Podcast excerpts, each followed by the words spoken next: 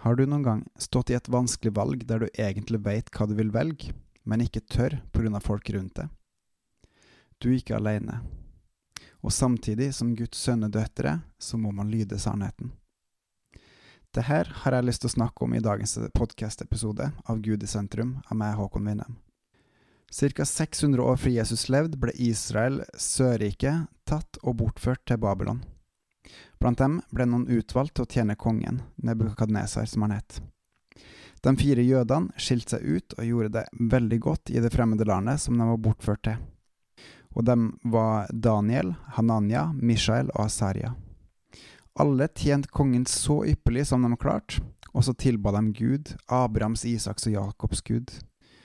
Eh, på denne tida var kongen eneveldig og bestemte alt, absolutt alt han ville, og det var kun eh, han eller det han bestemte, man skulle tilbe.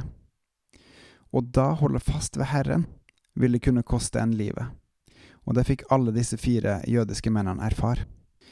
Kong Nebukadnesar bygde ved et tilfelle en diger billedstøtte som alle i hele riket hans måtte tilbe hver gang han krevde.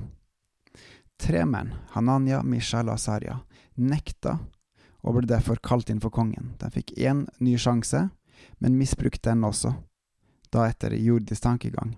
For kun én Gud skal man tilbe, og det er Gud. Kun Han skal man tjene, kun Han skal man bøye seg for.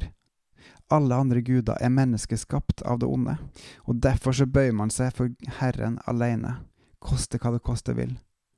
Også i dag så opplever vi kristne å stå på valg mellom å følge Herren eller å please folk.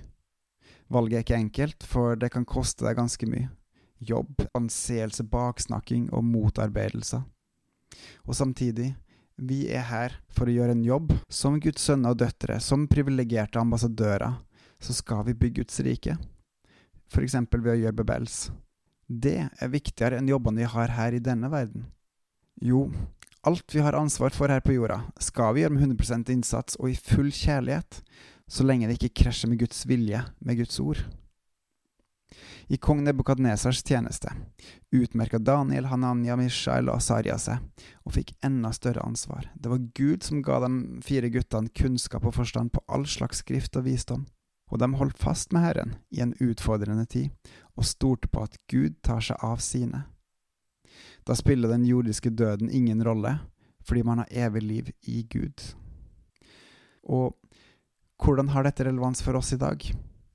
De troende tjene landet sitt med sitt beste.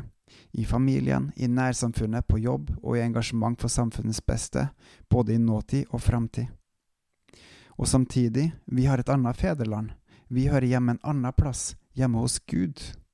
Derfor skal vi nekte å bøye oss for avgudsdyrkelse hvis vi møter på det. Da skal vi nekte for å bøye oss for alt som taler Gud imot, sjøl om det vil koste. For Gud er nær, han er i ditt hjerte, i ditt sinn, og han tar seg av sine. Følg Gud først, ikke mennesker. Tjen Han, deretter landet.